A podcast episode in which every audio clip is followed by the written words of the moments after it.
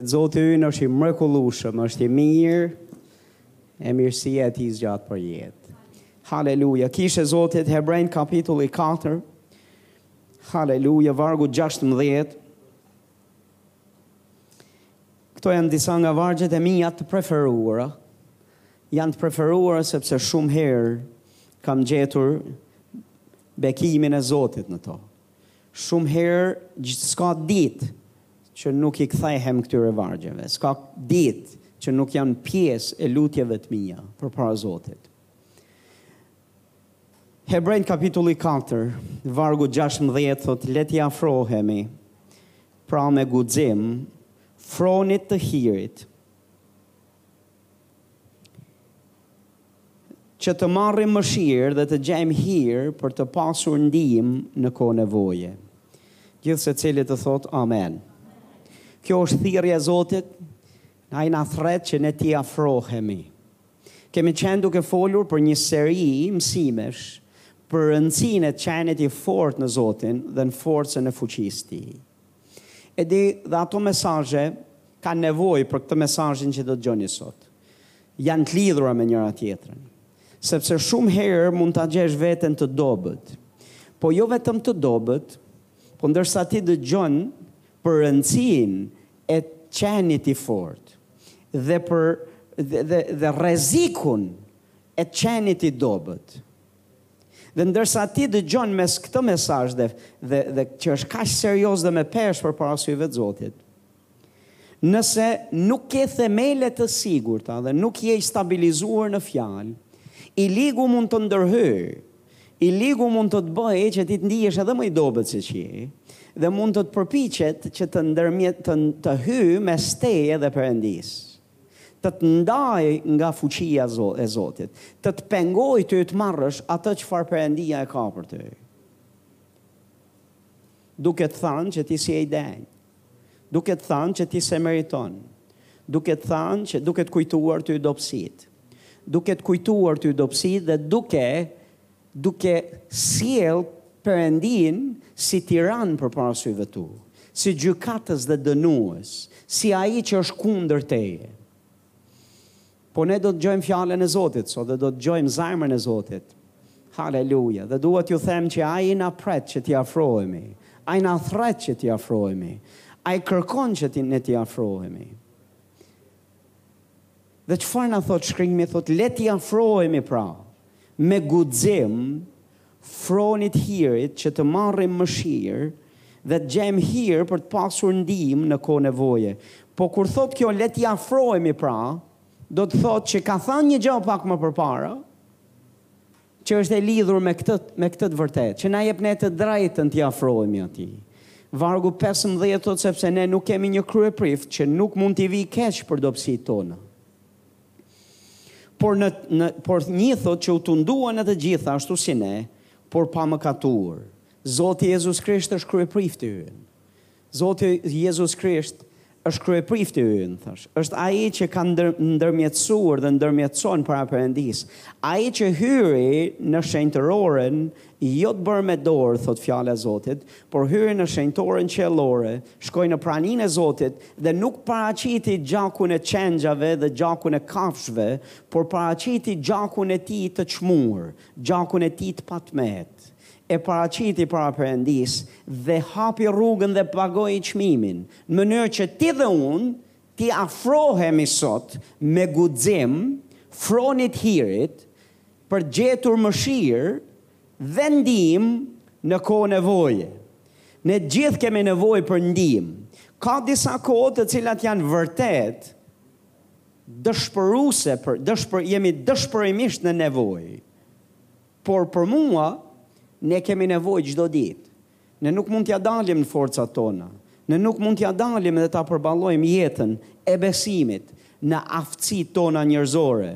Ne jemi thirrur që ta përballojmë jetën e besimit në forcën dhe fuqinë e Perëndisë. Ne duhet ta shohim veten tonë si nevojtarë çdo ditë, sepse çdo ditë kemi nevojë për mëshirë apo për hir. Kemi nevojë për ndihmën e Tij. Sot është dita jonë e nevojës. Çdo ditë është ditë nevoje për ne.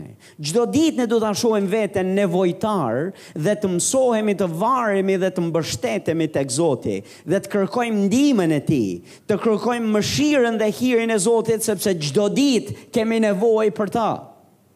Ne kurrë nuk duhet t'i jepemi krenarisë dhe, dhe, dhe marrëzisë të mendojmë që ne mund t'ja dalim sot dhe vetëm. Mund t'ja dalim sot dhe me forcat tona. Mund t'ja dalim edhe sot. Mund t'ja dalim dhe kësaj jave. Mund t'ja dalim dhe një muaj. Mund t'ja dalim edhe, edhe me muaj apo larg qoftë me vite. Kjo mendësi duhet fshirë një herë e mirë. Ne duhet ta shohim veten çdo ditë në nevojë për Zotin. Dhe çdo ditë duhet të jemi përpara fronit Tij. Duhet çdo ditë duhet t'i afrohemi Atij. Çdo ditë duhet të shkojmë tek Ai për të kërkuar mëshirë dhe për të kërkuar hir. Mëshira ka të bëjë më tepër me dështimet tona. me dobësitë tona, ka të bëjë me paaftësitë tona, ka të bëjë me rënien tonë, ka të bëjë me dështimet tona. Kur ne dështojmë dhe biem, kur ne kemi mëkatuar, ne kemi nevojë për mëshirë. A jeni duke dëgju? Ne kemi nevojë për mëshirë. Hiri, jo domosdoshmërisht, ndryshe nga mëshira, hiri është aftësi për të mos rënë. Mëshira është për të ngritë mbasi ke rënë. Ne kemi nevojë për të dyja, kemi nevojë për hir që të mos biem, por mund të kemi nevojë edhe për mëshirë në qoftë se kemi rënë. Dhe Bibla na thotë, fjala e Zotit thotë, le t'i afrohemi me guxim. Fronit të Perëndisë, froni i Perëndisë është i hapur për kishën, është i hapur për ty. Dhe ai pret që ti t'i afrohesh, ai të fton t'i afrohesh dhe ai pret t'i afrohesh me guxim, le të themi bashkë me guxim. Jo me arrogancë, por me guxim. Kur ti mëkaton, nuk është koha për të, për të braktisur, për t'iu fshehur Zotit, për t'u larguar prej Perëndisë. Është koha për të vrapuar në praninë e Tij. Sepse Ai të pastron, Ai të ndihmon. Ai të jep dorën dhe të ngren ty. Ai të forcon. Ftesa e Zotit është që ti t'i afrohesh. Të gjitha mësime që keni qenë duke dëgjuar deri në këtë ditë janë në fakt Ftesë nga Zoti, që ti t'i afrohesh Atij. Nuk janë mesazhe dënimi dhe mesazhe për të thënë se sa ti nuk e meriton, se sa i padenjë, se sa shumë Zoti nuk nuk do të të pranojë ty. Në të kundërt, në fakt, janë ftesë e Tij për t'iu afruar Atij, për të marrë nga forca dhe fuqia e Zotit, për t'u forcuar në njeriun e brendshëm. Dikush thotë Amen. Kemi nevojë për guxim, pastor. Kur ti i afrohesh Zotit, ti ke nevojë për guxim, t'i afrohesh, po t'i afrohesh dhe me siguri. T'i afrohesh me bindje. T'i afrohesh me guxim. Fronit Tij, sepse kështu ai të don t'i afrohesh. Si mund t'i afrohesh me guxim, pastor? Fronit Zotit, kur ti ke mëkatur, kur ti ke bërë gjënë e gabuar. Ti mundesh, kështu të kërkon Zoti t'i afrohesh. Edhe kur ke nevojë për ndihmë dhe nuk ke ranë, po ke nevojë për hir t'ia dalësh, ke nevojë për forcën e Zotit. Se s'ke ranë, edhe në atë rast Perëndia kërkon që ti t'i afrohesh me guxim. Ku ta marr guximin, pastor? Kjo është problemi që shumica e besimtarëve kanë. Duan t'i afrohen, Nisin t'i afrohen, por nuk kanë guxim.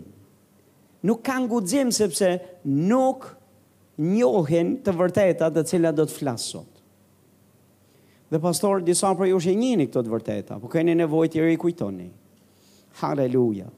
Atëherë do t'ju them, do ju flas se cilat janë ato gjërat që na japin ne guxim për të hyrë në praninë e Zotit.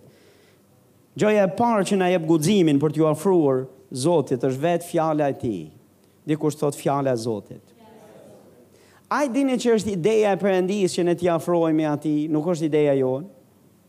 A e dini që Ai është iniciator dhe pret dhe kërkon që ti t'i afrohesh Atij dhe nuk je ti në fakt iniciatori? Nuk je ti në fakt ideatori i kësaj? Dhe Ai që të ka ftuar nuk të ka ftuar që të të mbajë ty larg. Ai të ka ftuar sepse të do pranë, sepse do dhe është e mundur që ti t'i afrohesh Atij. Guximi për t'iu afruar fronit të hirit dhe të mëshirës për të gjetë ndihmë në kohë nevoje. Ky guxim vjen nga besimi tek fjala e Zotit. Besimi në fakt tek fjala e zbuluar e Zotit, tek fjala e njohur e Zotit. Dhe më leni t'ju them se çfarë thotë fjala e Zotit për afrimin tonë ndaj tij. Më leni t'ju lexoj disa vargje të cilat na e premtojnë këtë gjë. Jeremia 33, 3, thotë, m'u drejto dhe unë do të të përgjigjem, dhe unë do të të njoftoj gjëra të mëdha dhe të padepërtueshme që ti nuk i di. Ai e ka shkruar këtë fjalë, thotë, m'u drejto ti, thotë, dhe unë do të, thotë, do të përgjigjem, apo, thotë, do të mbyll veshët. Thotë, do të të përgjigjem, Dhe do të të njoftoj, thotë, gjëra të mëdha të padepërtueshme që ti nuk i di. Zakaria një, vargu tre, thotë, Prandaj u thuaj kështu, thotë Zoti i ushtrive, Kthehuni tek Unë, thotë Zoti i ushtrive, dhe Unë do të kthehem tek ju, thotë Zoti i ushtrive. A jeni duke dëgjuar? Ju kthehuni tek Unë, thotë Zoti, dhe Unë do të kthehem tek ju. Malakia tre shtatë thotë të njëjtën gjë, Kthehuni tek unë, thotë, dhe unë do të kthehem tek ju. Isaia një, vargu tetëmbëdhjetë, thotë, Ejani pra dhe të diskutojmë së bashku, thotë Zoti, dhe sikur mëkatet tuaja të ishin të kuqe flakë, do të bëhen të bardha si bora, edhe sikur të ishin të kuqe të purpurt, do të bëhen, thotë, si leshi. Jeremia njëzet e nëntë, vargu dymbëdhjetë deri në katërmbëdhjetë, thotë, Do të më kërkoni dhe do të vini të më luteni, thotë, dhe unë do t'ju kënaq. Do të më kërkoni dhe do të më gjeni, sepse do të më kërkoni me gjithë zemrën tuaj. Unë do të bëj që ju të më gjeni, thotë Zoti, dhe do t'ju kthej nga robëria juaj. Unë do të bëj, thotë Zoti, që të më gjeni dhe do t'ju kthej nga robëria juaj. Ka pafund premtime dhe ftesë nga ana e Zotit që ne të shkojmë tek Ai, por Fjala e Tij është garancia jonë, është ajo që na jep ne guximin. Ne i afrohemi Atij sepse Fjala e Tij premton. Ne i afrohemi Perëndisë me guxim sepse kemi besim se Perëndia e ka me gjithë mend atë që na thotë. Dhe Ai na thotë t'i drejtohemi. Dhe Ai na thotë të diskutojmë me të. Dhe Ai na thotë ta kërkojmë me gjithë zemër. Dhe Ai na thotë t'i lutemi do na kënaqë dhe do ta shfaqë veten e Tij. Do të kthehet tek ne nëse kthehemi tek Ai. Guxim. Ku e marrim ne guximin për t'iu afruar fronit hirit? Tek Fjala e Zotit. Tek Fjala e Tij. Fjala e Tij është vetë vullneti i Zotit. Fjala e Tij na tregon nëse Perëndia nuk do jepte këtë ftesë, nëse Perëndia nuk do na thoshte këto gjëra, atëherë ne mund të lodheshim sa të duash, që t'i afrohemi Atij, që ta kërkonim, t'i drejtoheshim lutje, të ktheheshim tek Ai, të bënim çdo përpjekje për të shkuar tek Ai, por nuk do të ndodhte, njerëz Zotit. Por ne kemi sigurinë tek fjala e Zotit. Dikush thotë kemi sigurinë te fjala e Zotit. Guximi gjithashtu për t'iu afruar fronit Zotit është tek njohja e fuqisë së gjakut Jezusit dhe besimi te ky gjak. Hebrenjve 10 vargu 18 thotë duke pasur pra o vëllezër liri të plotë për të hyrë në shenjtore me anë të gjakut të Jezusit. Lirinë e plotë për të hyrë në shenjtore, domethanë me hy në praninë e Zotit, e thanë thjesht, këtë liri e kemi përmes kujt? E kemi me anë të kujt? Gjaku i çmuar i Zotit Jezus, ka hapur rrugën që ne të hyjmë në praninë e Zotit. Lirshëm. Dhe liria është e plotë, nuk është liri e kufizuar, por është liri e plotë për të hyrë në praninë e Zotit, falë gjakut Jezusit. Jo falë veprave tona, jo falë aftësive tona njerëzore, Jo falë vjetërsisë tënde në besim, sa vjet ke ti në besim, por është falë gjakut të çmuar të Jezusit. Gjaku i Jezusit ka hapur rrugën. Thotë vargu 19 thotë dhe me anë të një udhe të re dhe të gjallë që ai përuroi për ne me anë të velit, domethënë të mishit të tij, ose trupit të tij, dhe duke pasur një kryeprift mbi shtëpinë e Perëndisë, le t'i afrohemi me zemër të vërtetë. A e shihni çfarë thotë? T'i afrohemi me guxim, t'i afrohemi me zemër të vërtetë. Nga e marrim ne këtë zemrën e vërtetë? Kush na jep zemër që t'i afrohemi atij? Kush na jep ne sigurinë që ne mund hyjmë dhe hyjmë në praninë e Zotit? Është gjaku i çmuar i Zotit Jezus. Ai gjak na ka bërë të denjë. Ai gjak na ka bërë të pastër. Ai gjak ka hapur rrugën. Ai gjak na ka dhënë të drejtën që të hyjmë në praninë e Zotit lirshëm.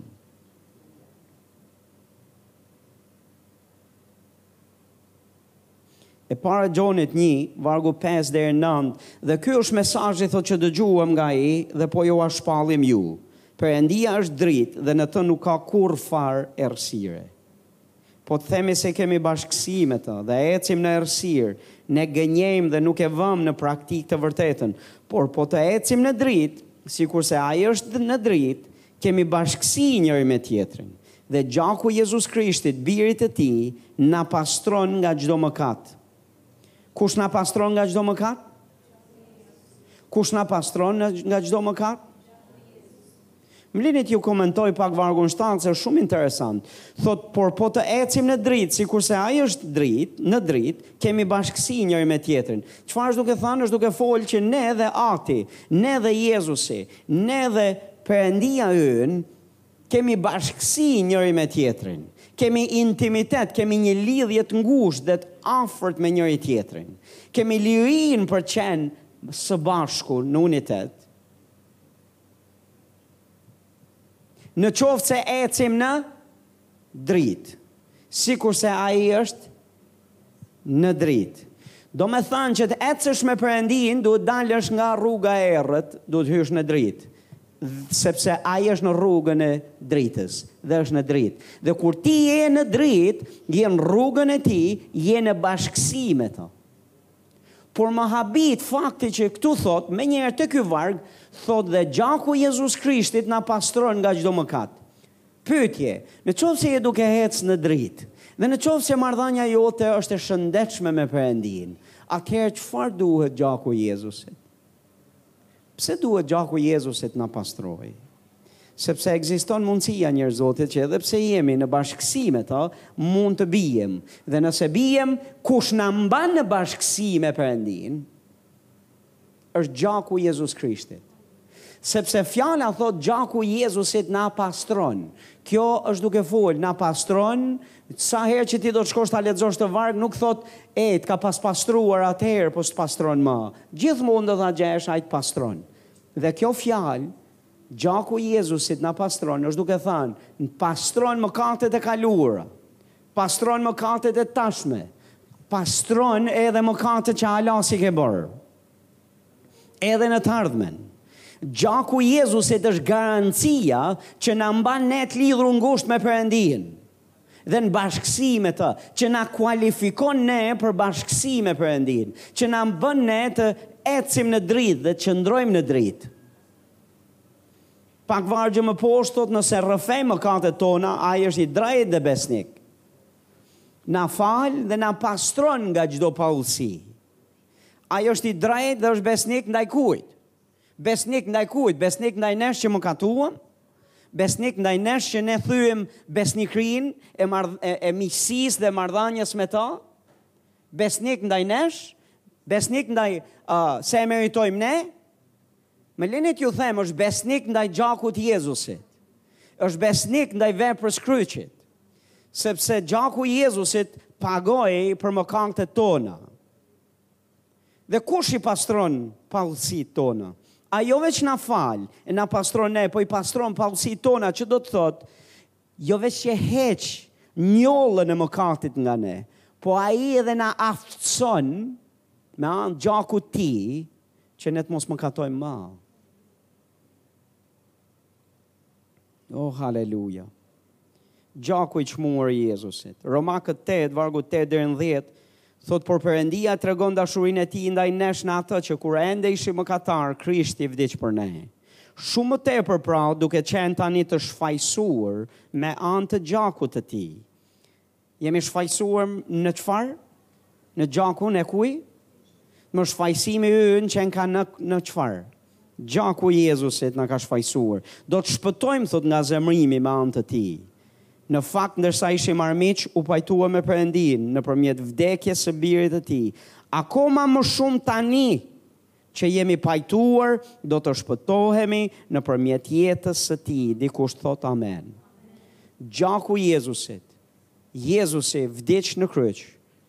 Ne ishim në armiqësi me ta, ne ishim të vdekur në mëkatet tona, ne ishim tërësisht të ndarë prej tij, ne ishim nën zemërimin e Perëndisë, zemërimi i Perëndisë qëndronte mbi ne. Kush na shfajësoi, shpengoi dhe çliroi nga ky zemërim, kush na pajtoi me Perëndinë, se ishim në armiqësi me të, Është gjaku i çmuar i Zotit Jezus. Dhe është shumë e rëndësishme njerëz Zotit që të dëgjojmë për fuqinë e gjakut dhe dhe të çojmë gjithmonë mendjen dhe besimin tonë ta drejtojmë tek gjaku dhe jo te vetja, jo te veprat, jo tek aftësitë tona. Se po t'ishte për ne edhe aftësitë tona, nuk do mund t'hynim praninë e Zotit kurrë, nuk do ishim t'pajtuar me Zotin kurrë, nuk do nuk do çliroheshim kurrë nga zemërimi i Tij, nuk do kishte shpëtim për ne as n'atëherë, as tani, dhe as përjetë. Po është falë gjakut të çmuar të Jezusit që ne kemi guximin t'i afrohemi Atij. Edhe kur jemi në mëkat. Hej, edhe kur je në mëkat. Pastor jam në mëkat, ndihem i padenjë, më vjen turp, më vjen zor, kam ndjesinë e të fshehurit dhe të larguarit nga Zoti. Pastor këto janë pasojat e mëkatit. Mëkati në fakt i bën këto. Dhe i ligu të shtyn akoma më tepër. Dhe zmadhon dhe flet për fuqinë e mëkatit, po fuqinë e gjakut të Jezusit mos e harro pastor. Fuq, gjaku i Jezusit të bën të afrohesh. Gjaku i Jezusit të bën që të shkosh tek Zoti për për t'u larë, për t'u pastruar, për t'u pajtuar me ta për të pasur bashkësi të shëndetshme me Zotin. Ti dhe unë mund të kemi bashkësi me Perëndinë për shkak të gjakut të Jezusit. Vetëm ai gjak garanton që ne ecim dhe do mbetemi në dritë deri në fund. Jo ti me veprat tua, jo ti me forcat tua, asnjë prej nesh. Po të ishte për forcat tona dhe të ishte në dorën tonë, nuk do kishim nevojë për gjakun, po ja që kemi nevojë për gjakun, sepse Zoti e di që edhe pse Je i shpëtuar dhe supozohet të jetosh një jetë pa mëkat. Mund të ndodhë që të biesh. Po kur bie, çfarë ka? Çfarë ndodh? Çfarë do, çfarë ndodh? Ndodh kjo. Që ne mund të hyjmë nën gjakun e Jezusit përsëri, me anë të pendimit dhe rrëfimit të mëkatit tonë. O gjaku i çmuar i Jezusit Hebrenjve dymbëdhjetë vargu njëzet e tre thotë dhe Jezusit ndërmjetësit të besëlidhjes së re dhe gjakut të spërkatjes që flet më mirë se sa ai i Abelit gjaku i Jezusit flet për ty flet para Atit flet më mirë se gjaku i Abelit. Në Testamentin e Vjetër tek, ne shohim historinë e vrasjes së Abelit nga Kaini. Dhe Bibla thotë që mbasi Kaini vrau Abelin, e varrosi e mbuloi me dhe, duke menduar se nuk do t'i dëgjohej zëri dhe nuk do të shi, nuk do shihej. Mirëpo Perëndia ia dëgjoi zërin gjakut t'Abelit. Dhe në Bibël thuhet që gjaku i vllait tënd po thret nga toka. Kjo ishte ajo çfarë Perëndia bëri. A e dini që Perëndia, Ati ynë dëgjon zërin e gjakut? A e dini që gjaku flet? A e dini që gjaku ngre zërin dhe gjaku i Abelit flet? Gjaku i Abelit foli për dënimin dhe për zemërimin e Zotit që të vinte mbi vllain e tij. Por gjaku i Krishtit flet më mirë, flet për falje, flet për mëshirë, flet për hir, flet për ndihmë në kohë nevoje. Haleluja Qengjit të Zotit. Gjoja e dytë thash është gjaku i Jezusit që na jep guximin t'i afrohemi atij.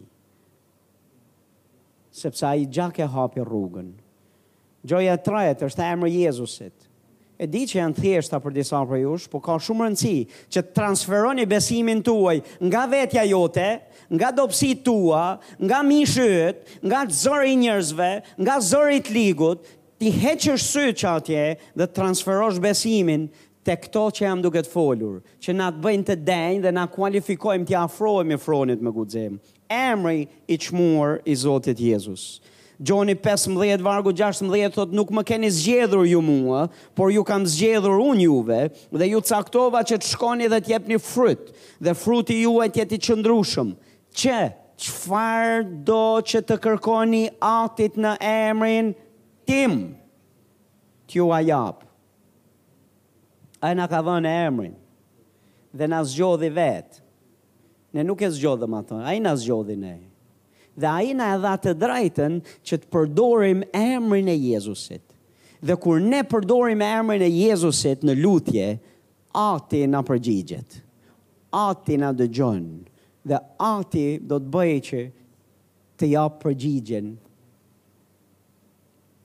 e kërkesës dhe e nevojës tonë. Ai vetë na zgjodhi që ne të lutemi, që ne të kërkojmë Atit në emrin e Tij dhe Ai të na japë. Jo, Ai nuk dëgjon çdo lutje. Jo, nuk dëgjon lutjen e gjithkujt, po dëgjon lutjen tonë kur bëhet në emrin e Jezusit. Ky emër transferon lutjen e britmën tonë para Atit dhe është garanci se dëgjohemi.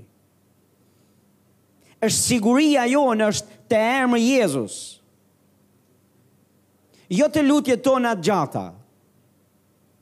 Jo te lutjet tona plot fjalë. Të bukra.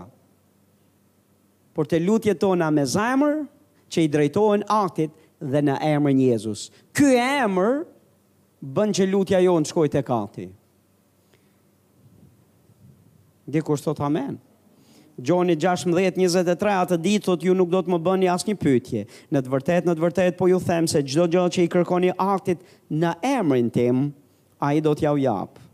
Vargu njëzet e katër thotë deri tani ju s'keni kërkuar asgjë në emrin tim, por kërkoni dhe do të merrni, që gëzimi juaj të jetë i Perëndia e do që të jetë gëzimi ynë i Dhe mënyra se si gëzimi ynë bëhet i plotë është kur ne na plotësohen nevojat. Dhe këto nevojat tonat dhe dëshirat tonat plotësohen kur ne kërkojmë në emrin e Gjoni 26 vargu 27 ai vetë në fakt ju do. Thotë sepse ju më deshët mua dhe keni besuar se unë dola nga Perëndia. Pra Jezusi është duke na garantuar që nuk është vetëm për shkak dashurisë së Jezusit, por dhe Ati ju do. Le të themi bashkë Ati më do mua. Edhe një herë. Edhe një herë. Edhe një herë. Sa prej jush do donit dëgjonit atin t'ju flasë? Ja pra e dëgjuat. E dëgjuat Jezusin t'ju thotë. Ai në fakt ju do. A më do zoti? A jam i denjë? A më pranon Zoti? Edhe mbas gjithë këtyre gjërave që kam bërë, a do m'jap ai mua forcë? Po ndihem i dobët. Ke nevojë për guxim, pastor. Dhe guximin duhet ta gjem tek besimi tek këto që jam duke folur, tek fjala e Zotit, tek gjaku i Jezusit, tek fuqia dhe pushteti i emrit të Jezusit. Sepse Perëndia na ka kërkuar vetë që ne të besojmë te ky emër, të besojmë te gjaku dhe te fjala dhe të shkojmë tek ai përmes këtyre rrugëve. Dikush thot amen. Së fundmi dua t'ju fla, dua t'ju flas pak për frymën e shenjtë. A e dini që duhet transferosh besimin tënd tek fuqia e frymës shenjtë? A e dini që ne u besuam në duart e frymës shenjtë? U besuam, a e dini pse u besuam në duart e Frymës Shenjtë? Sepse Zoti e dinte që ne vetëm humbim rrugën, lehtësisht. Zoti e dinte që ne mund të biem, Zoti e dinte që ne mund të dështojmë, Zoti e di që është e garantuar që ne jemi ekspertë për ta gjetë veten në rrugën e shkatërrimit. Po, për këtë jemi ekspertë. Por Jezusi u lut që Ati të na japë Frymën e Shenjtë. Dhe Bibla thotë që të qëndrojë përgjithmonë me ju, Gjoni katërmbëdhjetë vargu gjashtëmbëdhjetë deri në tetëmbëdhjetë thotë dhe unë do t'i lutem Atit që Ai t'ju japë një ngushëllues tjetër që do të qëndrojë përgjithmonë me ju. Frymën e së vërtetës, që bota nuk mund ta marrë, sepse nuk e sheh dhe nuk e njeh, por ju e njihni, sepse qëndron me ju dhe do të jetë në ju. Nuk do t'ju lej bonjak, do të kthehem te ju. Nuk do t'ju lej jetim. Nuk do t'ju lej pa kujdes, pa mbrojtje, pa sigurim. Ju nuk do të jeni pa baba. Nuk do të jeni vetëm. Dhe Jezusi u lut Atit që Ai të na dërgojë Frymën e Shenjtë, që ne të jemi përgjithmonë jo vetëm ma. Të jemi përgjithmonë me Frymën e Shenjtë. Dhe Fryma e Shenjtë do të jetë në ne, do të jetë me ne përgjithmonë. Ai nuk na len, nuk na braktis kurrë. Do të jetë, thash, me ne. Këtë na thot shkrimi i shenjtë. Ne nuk kemi nevojë për e, një prekje emocionale. Për, s, për të pasur bindje dhe siguri, a është fryma e shenjtë me mua apo jo? Fryma e shenjtë është me ne, sepse shkrimi na e thot. Dhe kjo duhet duhet të të mjaftojë. Dhe pastaj, po e besove atë çka Shkrimi i Shenjtë thotë, po e besove këtë fjalë, atëherë do ta lësh Frymën e Shenjtë dhe të të prekë emocionalisht dhe do të të prekë. Do të të prekë me praninë e vet. Do ta ndjesh flladin e pranisë së tij, po do ta ndjesh mbasi të besosh. Disa prej nesh vazhdojmë të jetojmë si Thomai. S'kemi dalë nga ajo mendësi. Duam çdo ditë që Zoti të na tregojë një shenjë, ta prekim, ta shohim, ta ndjejmë, në mënyrë që pastaj ne të besojmë. Njerëz të Zotit, ne duhet të jetojmë ndryshe. Ne duhet të jetojmë ashtu siç Jezusi tha, I bekuar është ai që pa be, pa parë beson.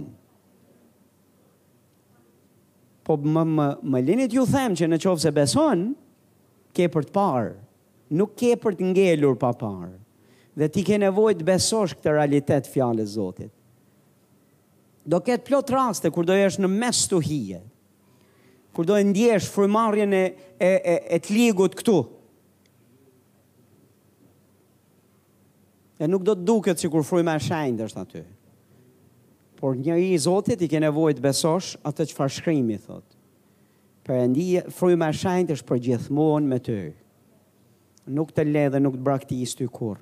Dhe vini re, Romakët 8:26 thotë kështu pra edhe fryma na ndihmon në dobësitë tona, sepse ne nuk dimë se çfarë të kërkojmë në lutjet tona sikurse duhet, Por vetë fryma ndërhyn me ne për psherëtima, me psherëtima të patregueshme. Fryma e shenjtë çfarë bëka? Na ndihmon në dobësitë tona. Fryma e shenjtë nuk na fundos kur ne jemi në dobësi.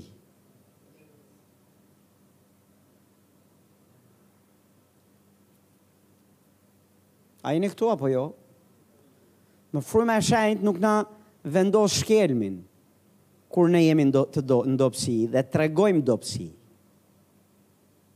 Fryma e shenjtë kur ne biem në mëkat nuk na përçmon përbuz dhe na ndan.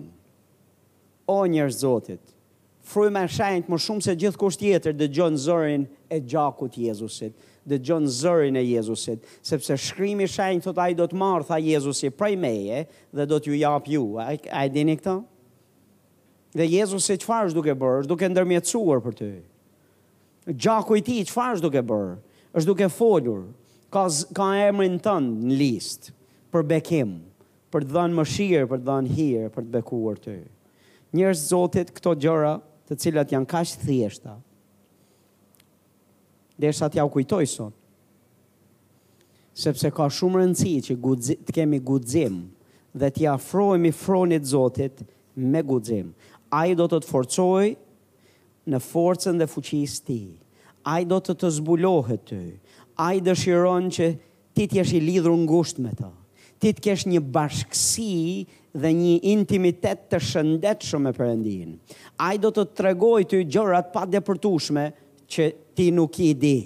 E di që disa mendojnë se i dini, po nuk i di, besomëni ka plot gjëra që nuk i di dhe ai do të na i zbulojë. Ai vetë ka thënë kur më kërkoni dhe më vini t'i luteni unë do t'ju kënaq. Ka një kënaqësi që Zoti do të ta japë që askush në këtë botë nuk mund ta japë. Asnjë dëfrim në këtë planet nuk mund ta japë përveçse pranisë tij, përveçse vetë Perëndisë që di t'i prekë telat e zemrës ty. Dhe mua. Dhe e di ekzaktësisht se çfarë i flet zemrës time dhe çfarë i flet zemrës tënde. Gruas time unë mund t'i them mijëra fjalë. Mijëra fjalë dashurie. Por janë ca fjalë të cilat janë shumë të thjeshta, nga zemra, që i janë thënë asaj që në fillime, dhe kur unë i them ato fjalë, ato fjalë nuk kanë vle, mund t'i them mijëra tjera fjalë të bukura, t'i lexoj diku gjetiu, nuk i bëjnë përshtypje. T'i them nja dy tre fjalë nga ato që e di që janë nga zemra, dhe e di ajo se janë tonat, Ato kanë rëndësi për të. Ato kanë rëndësi për mua, ato që vijnë prej saj, sepse janë unike, janë të veçanta, sepse kanë dalë e kanë buru nga zemra. Ati Perëndi ka të njeh ty mirë dhe Ai di se çfarë të prek ty. Ai e di ekzaktësisht se çfarë do të të shërbejë ty. Ai është duke duke na ftuar që t'i afrohemi fronit hirit. A je i rënë, a je i rrëzuar, a ndihesh sikur je i dobët, a ndihesh sikur ke mëkatuar dhe ndihesh i padenjë dhe ndihesh të vraposh larg Zotit? Mos vrapo larg Zotit, vrapo drejt Tij dhe vrapo me guxim. Vrapo me guxim, dhe këtë guxim merre për shkak merre për shkak të fjalës, merre për shkak të gjakut të Jezusit, merre për shkak të emrit të Jezusit, merre për shkak të Frymës së Shenjtë që nuk është kundër teje, por do të të ndihmojë ty. Kur ti je në kohë dobësie, kërkoji Frymës së Shenjtë të të ndihmojë. Dhe Fryma e Shenjtë nuk ofendohet se je i dobët ti. Fryma e shenjtë nuk është aq e brishtë, ju kam thënë, sa ç'e bëjnë njerëzit. Fryma e shenjtë është aty për të të ndihmuar ty. Është miku më i afërt, më besnik. Është miku që e ke në 12 natës. Miku që e ke atje ku ti je. Pastori është bekim, po lavdi Zotit është dhuratë nga qielli, Sepse Perëndia e ka sjellë për të shërbyer, të bekuar ty, po ka një dhuratë mbi dhurata, dhe është Fryma e Shenjtë. Amen. Dhe pastori nuk e ke në 12 të natës. Dhe nga njëherë pastori nuk mundesh me deri të shku te telefoni ti, a duke fo për ta kërku, ka nuk mund ta gjesh. Një mik, do ketë plot raste që ti do ta doje të ishte afër teje, po do të gjeheshi nuk do të jetë, por fryma e shenjtë do të jetë aty me ty, gjithkohës. Afroju fronit të Zotit dhe merr hir dhe gjej mëshirë. në kohë nevoje. Ai të ndihmon ty. Ai të ndihmon dhe të vjen ty në ndihmë. Amen. Jo, jo, ai nuk e ka mbyll derën, ai e ka hap derën. Ai nuk e ka mbyll praninë e tij, nuk i ka mbyllur duart e veta dhe nuk të refuzon, ai të fton të afrohesh. Dikush thotë amen. A do e transferoni besimin tuaj tek fjala? tek gjaku, tek emri i Jezusit dhe tek fryma e shenjtë? Haleluja. Po e transferove besimin këtu ku jam duke folur, do të kesh guxim. Hiqi sytë nga dobësitë e tua, hiqi sytë nga zëri i të ligut, hiqi sytë nga zëri i mishit tand, hiqi sytë nga dështim, zëri i dështimeve tua, ktheji sytë tek Jezusi dhe tek këto që sapo të fola, sepse janë këto që të na japin sigurinë se do të marrim prej Zotit çdo gjë që kemi nevojë.